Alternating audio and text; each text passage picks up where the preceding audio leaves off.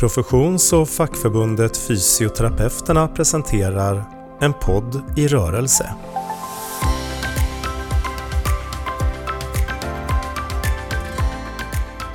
Välkomna till ett nytt avsnitt av En podd i rörelse. Fysioterapeuternas egen podd med aktuella ämnen och teman. Och idag så ska jag prata med Karin Hagman som är VD för Sunt arbetsliv. Välkommen! Tack! Roligt att vara här. Ja, det ska bli så spännande att prata med dig. För det som ni arbetar med är ju med och kring arbetsmiljö. Eh, och arbetsmiljö är ett av fysioterapeuternas prioriterade områden där vi arbetar för ett eh, hållbart arbetsliv för våra medlemmar oavsett var de arbetar eller befinner sig. Och vi, vi ser också så tydligt det här hur arbetsmiljö, kvalitet och patientsäkerhet, att det hänger nära ihop.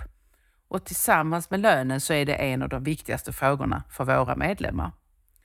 Eh, och I arbetet med arbetsmiljö så är våra lokala fackliga förtroendevalda och skyddsombud riktigt viktiga personer. Och ni är också en viktig samarbetspartner och vi samarbetar ju med er på Sunt Arbetsliv genom vår förhandlingsorganisation som heter Akademikeralliansen. Så innan vi drar igång så kanske du vill säga något kort om dig själv. Vem är du? Ja, jag är ju ny VD på Sunt Arbetsliv sedan ett halvår tillbaka ungefär och eh, jag har alltid eh, varit intresserad av arbetsplatsfrågor och arbetsnära arbetsmiljöfrågor och hur skapar vi en bra arbetsplats tillsammans? Och tidigare har jag jobbat eh, ja, men både i partsvärlden på olika sätt. Jag har varit kommunikationschef på Kommunal när de hade sin stora kris 2016, men det en helt annan historia. eh, och innan det här så var jag VD på Systembolagets dotterbolag IQ och gjorde mycket verktyg och material och så ut i kommuner kring eh, alkoholprevention. Eh, så att jag har eh, både bakgrund från den här världen och från andra eh, världar. Och mitt mål är nu att sånt arbetslivs material och verktyg och det, det vi tar fram ska användas och vara till så stor nytta som möjligt i välfärden. Mm. Jag eh, jobbade som chef för några år sedan inom Region Skåne och det materialet som finns på Sunt arbetsliv var en del av det som jag använde och återkom till för det är väldigt eh, handfast tycker jag och enkelt att använda.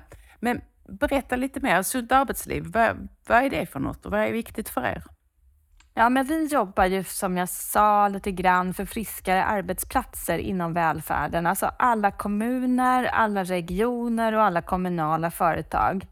Och allt som vi tar fram, det bygger på forskning. Och det var så roligt att du säger att det var väldigt handfast och lätt att använda, för det är ju precis det vi vill. Vi vill ju ta forskning om arbetsmiljö och göra det till material och verktyg som verkligen går att använda. Och vi har ett nyhetsbrev som kommer varje vecka där vi också ger mycket exempel, så hur man jobbar på andra ställen i olika arbetsmiljöfrågor.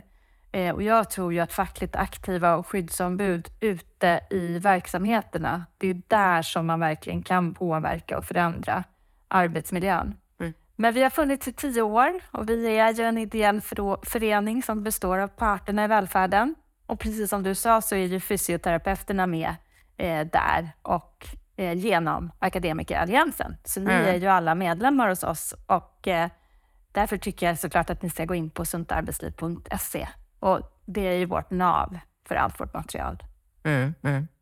Hur får man... Eh, jag tänker när man tittar på statistik så där och saker och ting används så kan man ju se liksom hur många klick och hur mycket som har öppnats och så. Men hur, vad har ni för kommunikation? Har ni någon kommunikation med verksamheterna så ni ser att ert material används och kommer till nytta?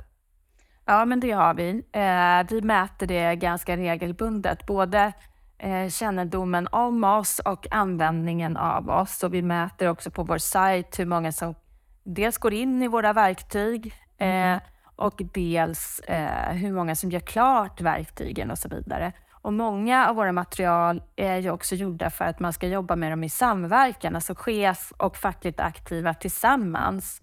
Så det finns mycket dialogmaterial eh, och vi pratar ju om allt från liksom både fysisk och psykisk arbetsmiljö. Alltså, vi pratar om stress, vi pratar om bättre möten, men vi pratar också om ja, men hur, hur når man ett bra arbetsmiljöarbete eh, tillsammans. Vi har ett helt nytt verktyg som heter Samverkstan till exempel. Mm. Mm. Samverkstan, vad är det för någonting? Ja, men det handlar om hur man får det systematiska arbetsmiljöarbetet i verksamheten att bli ett gemensamt jobb mellan de fackliga och cheferna. Mm. Och hur, hur kan vi navigera det? Hur vet vi att vi gör rätt saker? Eh, jag kan tycka ibland att arbetsmiljö kan komma liksom i skymundan. Eh, och därför så är det så viktigt att få till det där eh, systematiska arbetet. Att ja, men vi gör ett årshjul vi behöver inte göra allt på en gång, men allt vi gör ska bidra till att vår arbetsplats blir bättre och att vi trivs bättre. Så kan vi göra någonting tillsammans så är det bra. Du sa att ni arbetar med att eh, ta forskning som finns och att göra den tillgänglig och så att, användbar, så att säga. Finns det mycket forskning inom området? Ja, men det finns ganska mycket forskning som också parterna finansierar eh, genom AFA Försäkring och den kommer till oss sen. Och vi har faktiskt ett eh, om man går in på suntarbetsliv.se så har vi en särskild sida där som heter Forskning på fem där vi intervjuar forskare kort och tar exempel ur verksamheten kring eh, olika frågor. Eh, så forskaren själv får berätta och så ska det vara jätteenkelt och så ska man förstå hur det, hur det hanteras i verksamheten. Mm. Och Det kan jag verkligen rekommendera. Mm. Finns det några områden som du tänker, du kanske detta är en klurig fråga, men du, du spontant tänker att här behövs det mer forskning? Alltså, jag vet inte. Jag kan, jag kan tänka... Nej, jag passar lite på den. Jag tycker den är svår. Jag tänker att det är vi står ju också inför en helt annan liksom, arbetsverklighet framöver eh, med AI, digitalisering eh, och det där tror jag att man behöver forska mer om. För jag tror aldrig att man kan eh, överskatta den mänskliga förmågan, inte minst inom ert område, tänker jag. Alltså det här Eh, att det finns faktiskt delar, nu blir jag lite filosofisk, men jag tänker att det finns faktiskt väldigt många delar inom välfärden som inte robotar kan ta över. Mm, mm. Det där är jag intresserad av själv. Mm, och ni har ju den här digitala skyddsronden. Den, den vet jag att vi använder just för att de digitala verktygen är i vardagen det som man ofta upplever som väldigt frustrerande. Eh, och att det påverkar arbetsmiljön i betydligt större utsträckning än man tror. Mm, vi gör det verkligen. Mm. Och vi har också ett bra samtalsmaterial som man kan arbeta på, med på arbetsplatsnivå som heter Digirundan. När man pratar också om så här, ja, men vad har jag för strategier för att hantera alla de här digitala verktygen? Och, och hur vill jag göra? Hur gör jag? Hur kan jag nå en bättre balans i det? Mm. Så tycker jag också det är intressant när du säger den här samverkan. För just i, alltså kring arbetsmiljö så finns det ju väldigt tydliga lagar och som strukturer och föreskrifter för hur vi ska arbeta. Och det är ju en av de uppgifterna vi har som, som facklig organisation, att hela tiden prata om det här och se till att det efterföljs. Och fortfarande så är det ett sånt stort problem. Uh. Att vi, liksom, trots strukturen och trots allt liksom, som finns så fortsätter arbetsmiljön att vara en utmaning för många. Ja, ja men precis. Och jag tror att ja, ett tips som jag brukar ge, eh, det är ju också att prata med Eh, i liksom samarbete med cheferna. Så att, att få in arbetsmiljön i verksamhetsplaneringen. Ofta har man ett årshjul eller så för sin, arbets, för sin arbetsplanering när man ska ta tag i olika frågor och verkligen lägga eh, arbetsmiljöplaneringen i samband med det. Men också såklart att undersöka hos de anställda vad är den mest relevanta frågan här? För annars kanske det bara blir att man tittar på det eh, åtgärdar saker som går fel eller när någon blir sjuk. Och så. Men jag är väldigt mycket för att vi också ska tänka preventivt och utifrån de förutsättningar som vi har just på vår arbetsplats. Men eh, tillbaks, vad, vad, vad, skulle, vad, är, vad är en god arbetsmiljö? Ja, det är också en filosofisk fråga. ja, vi får vara lite filosofiska ja. så här. Men jag tänker att det är ju en, en, en arbetsplats där både människor trivs, vill jobba och också prestera väl. Om jag ska säga någonting väldigt kort så skulle jag säga att det är en god arbetsmiljö. Du trivs, du vill, både vill och kan och presterar. Eh, och Sen kan ju det vara väldigt individuellt. Vad som är en god arbetsmiljö för mig kanske inte alls skulle vara en god arbetsmiljö för någon annan. Eh, det är ju också det här som jag brukar prata om, att hela livspusslet ska gå ihop. Men var befinner jag mig just nu? Och jag tänker också på att eh, en god arbetsmiljö är ju så otroligt viktigt för att hela välfärden, välfärden ska fungera. Mm. Nu pratar man ju så väldigt mycket om kompetensförsörjningsfrågan till exempel. Hur ska vi klara kompetensförsörjningen inom välfärden? Och där tänker jag, men där ska man ju se arbetsmiljö som en lösning. Att arbetsplatser med väldigt god arbetsmiljö, eh, ja, men att, att det verkligen blir ett, ett verktyg där. Sen jobbar vi med någonting som heter friskfaktorer. De är åtta stycken och de är framforskade eh, utifrån arbetsplatser som har låg och stabil sjukfrånvaro. Och så gör man det till konkreta liksom, åtta saker som du kan jobba med. Eh, där har vi mycket gjort på suntarbetsliv.se. Vi håller på att ta fram verktyg framåt och vi kommer ha en föreläsningsserie under året som man kan anmäla sig till. Eh, men det tror jag mycket på. Alltså om man vill jobba långsiktigt och preventivt så tror jag verkligen på att jobba med friskfaktorer. Vad är det som gör en arbetsplats frisk? Och titta mm. på det. Mm. Mm. mm. Ja, jätteintressant. Um, och hur upplever du då att arbetsmiljön ser ut idag för medarbetare inom, inom välfärden eller ja. inom kommun och region? Jag vet inte riktigt var vi vill dra gränserna. Nej, men precis. Men det är väl lite både och. Om man tänker inom välfärden generellt så kan man säga att det skiljer sig jättemycket åt. Och jag upplever ju att både arbetsgivare och, de, och fackliga företrädare vill ha en god arbetsmiljö. Det är inte där skon klämmer, utan det är ju andra eh, liksom resursfördelningsfrågor egentligen.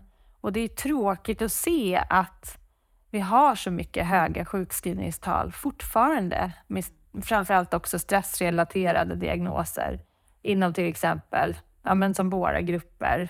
Eh, undersköterskor, hemtjänsten, mycket sjukskrivning. Mm. Eh, och där tänker jag att det finns, det finns så mycket man kan göra, men jag har ju inte en upplevelse av att, av att inte arbetsgivaren vill det heller, utan det handlar ju mer om resursfördelning skulle jag säga. Mm. Mm. Skulle du säga att det är någon skillnad i, i arbetsmiljö om man tänker sig en, en större arbetsgivare eller en mindre arbetsgivare?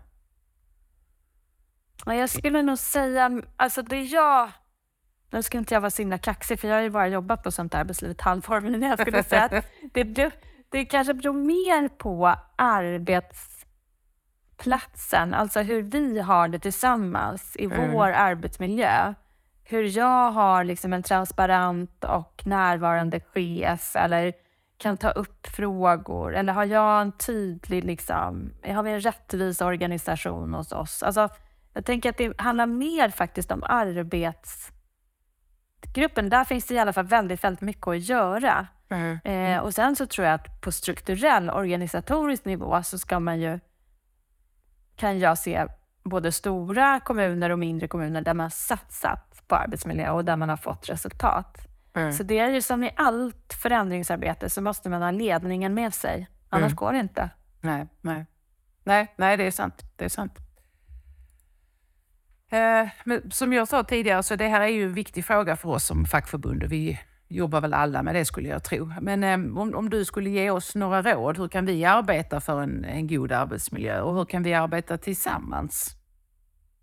Ja, men jag tänker att vi tillsammans ska lyfta de här frågorna och se till att sprida kunskap och sprida värdet av ett proaktivt arbetsmiljöarbete. Att det faktiskt är väldigt roligt. Eh, och jag har ju själv jobbat fackligt innan och jag, jag vet att man som fackligt aktiv vill göra saker och man vill ha tydliga uppdrag som man kan liksom engagera sig kring. Och då tänker jag att arbetsmiljö är helt perfekt. Eh, om, man, om man går in på vår sida och funderar på men vad, hur ser utmaningarna ut hos oss? Vad skulle vi tillsammans kunna jobba med här? Så väljer man något ämne. Mm. Då, har, då är det bara att köra. Så får man, alltså det blir en väldig kraft i det. Eh, och jobba proaktivt ger så mycket mer energi och lust än att bara sitta i det, det rehabiliterande arbetsmiljöarbetet. Mm. Mm. Eh, och, eh, så därför tycker jag att, att liksom vill man där kan, där kan vi bli bättre på att, att prata om det positiva med vårt arbete. Mm. Eh, och Sen så tänker jag också att det vi ska samarbeta kring, det är ju också att, att prata om hur det ser ut. och vilken skillnad arbetsmiljöarbete kan göra. Det tycker jag är jättebra. Eh, Att lyfta också goda exempel på där man lyckas eh, skapa bra miljö tillsammans. Och Ni är ju bra på det. Ni lyfter ju en del goda exempel och jag tänker att det materialet som finns på er sida är ju också bra för att det vänder sig både till, oavsett vem man är så att säga, om man är chef eller om man är skyddsombud så kan man använda det här oavsett vilket. Eh, Jag tänker på det här med statistik. Finns det någon bra samlande, sam, samlad statistik kring hur arbetsmiljön ser ut? I välfärden då, får vi lägga till. Ja, eh, det, SKR vet jag har väldigt mycket bra statistik. Det är det närmaste i, i mitt huvud som, som visar på arbetsmiljön. Ja. Eh, men det är ju klart, det är inte... Det är ju bara inom kommuner och regioner. Så. Eh, men där, det är mitt tips, att gå Mm. via SKR för statistik. För det hade också varit en intressant sak att göra tillsammans mellan parterna, tänker jag nu. Ja. Nu är det en spontan tanke, men alla vi, vi, många fackförbund tar ju fram siffror på arbetsmiljön för våra medlemmar och använder det i vårt arbete. Och SKR tar ju fram då ur arbetsgivarperspektiv. Men att göra någonting tillsammans och att samla flera professioner, det hade ju varit intressant, tänker jag. Mm. Det blir väldigt starkt när man har siffror bakom sitt Ja. budskap. Ja, jo det är ju så. Och det som jag också tycker är, jag tänker också på det här med kunskap. För eh, Det är lite grann att veta vad man kan påverka och vad man inte kan påverka. Eh, och då behöver man ju liksom kunna, man behöver inte kunna, men man behöver förs- förstå den strukturen som man arbetar i. Eh, Eh, tänker jag. Och då är det också bra att det finns, att det, er sida finns och att det finns andra sidor också där man kan liksom hitta den här kunskapen för att och veta vad är mitt uppdrag som skyddsombud eller framför allt, för det är framför allt de som jobbar med arbetsmiljön. Eh, Men jag blir väldigt nyfiken på att ställa en fråga till dig Cecilia. Det är liksom, vad är era, era största eh, utmaningar inom arbetsmiljö? Ja, de, är lite olika skulle jag säga. Det vi har, när vi har gjort våra undersökningar så ser vi inom primärvården eh, att man har ett ganska högt produktionskrav och att det, det påverkar arbetsbelastningen. Man får inte möjlighet till reflektion, man får inte möjlighet till lärande, utan det handlar bara om, det handlar om att producera och man mäter inte på kvalitet utan man mäter på kvantitet. Så det är många som upplever en stor stress där. Många som känner att man är ensam och att man är ensam i sina prioriteringar.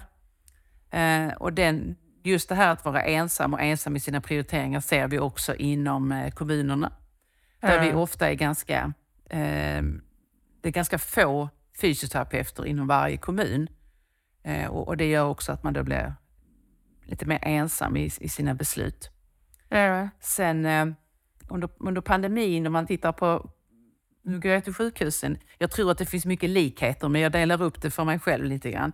Eh, så var det ju så att många blev eh, flyttade till andra verksamheter och fick jobba med andra patientgrupper än man kanske brukar göra. Och det tänker jag att det är väl okej att göra tillfälligt.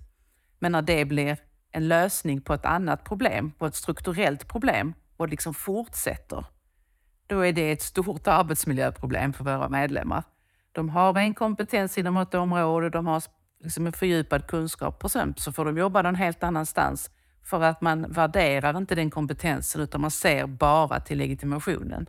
Eh, Ja, Ehm, vad intressant. mm. Jag tänker på det där med att vara ensam, alltså ensamheten. Det blir, då tänker jag att ni som fackförbund är så otroligt viktiga som ett nav för att prata om de här frågorna. Mm, mm. Och också att man hittar, liksom, man hittar sina kollegor. Om jag nu är själv i den här kommunen, vad har jag för kollegor i kommunerna runt omkring mig? Och där blir, vi är ju viktiga i det och att också Fair. kunna liksom, hjälpa till att vara den här bryggan med olika kontakter. Så, så, så tänker jag att många av arbetsmiljöproblemen är väldigt lika. Eh, både mellan olika organisationer för fysioterapeuter men också mellan, mellan professioner. Vi ser ju en hög belastning och vi ser ju en, ehm, att kunskapen inte värderas och vi ser att man liksom måste springa fort för att lösa de problem, resursproblemen som finns. Mm. Ja, jag tänker precis. Resursproblemen är en stor fråga och som sliter såklart. Eh, men vi har ju väldigt bra Ja, men där arbetsgivare och, eh, och liksom medarbetare hittar en bra samverkan kring arbetsmiljö, då blir det ofta fina resultat. Eh, så man måste liksom påverka från båda håll Mm. och hit, försöka hitta lösningar utifrån. Eh, även om det inte alltid är självklart i stunden så kan man ju också våga pröva någonting annorlunda. Och ha tid för det är ju en utmaning såklart. Ja, ja, precis. Och jag tänker att man ska ha förutsättningar för att kunna samarbeta, alltså samverka Mm. eller samarbeta med varandra. För man har, man har också olika press. Det kommer press från många håll när man ska samarbeta i en organisation, både uppifrån och nerifrån och från sidorna. Och det behöver man liksom ta, ta, eh, ta med i arbetet, i beaktandet. Och det är också därför jag tänker på det här med, med kunskap och förutsättningar för att liksom, vad, vad kan vi förändra? Ja, väldigt intressant att höra.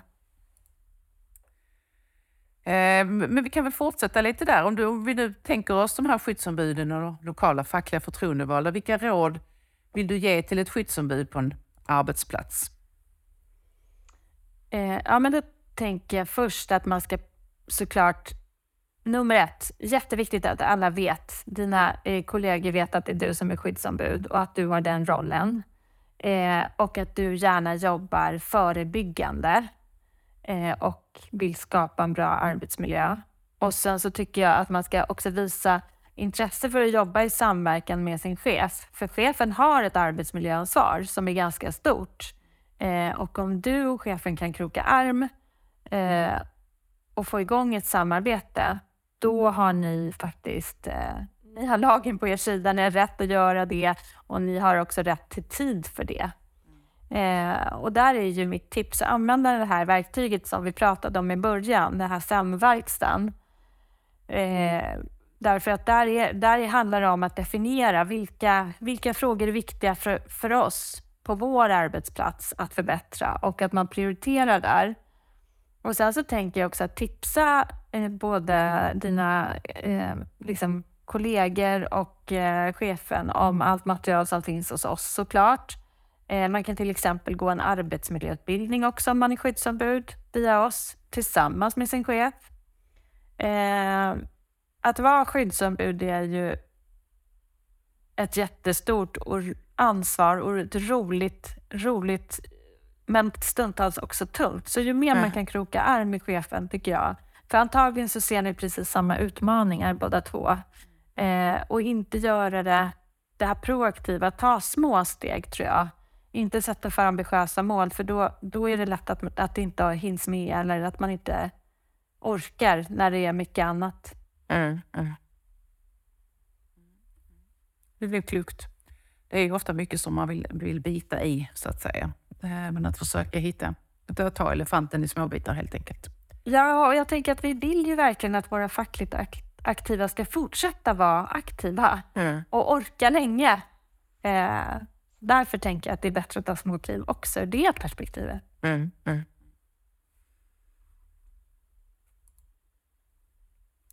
Eh, Jag läser på er hemsida att ni ska eh, börja med en satsning som ni kallar Studio Friskfaktor.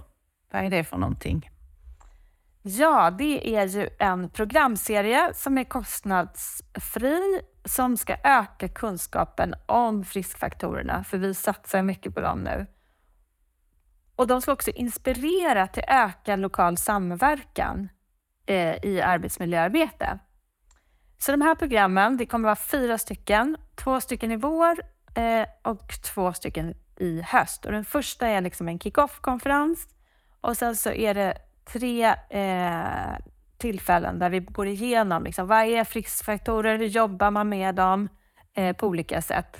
Och de här programmen riktar sig både till skyddsombud, fackligt förtroendevalda, chefer och HR i kommuner, regioner och kommunala företag.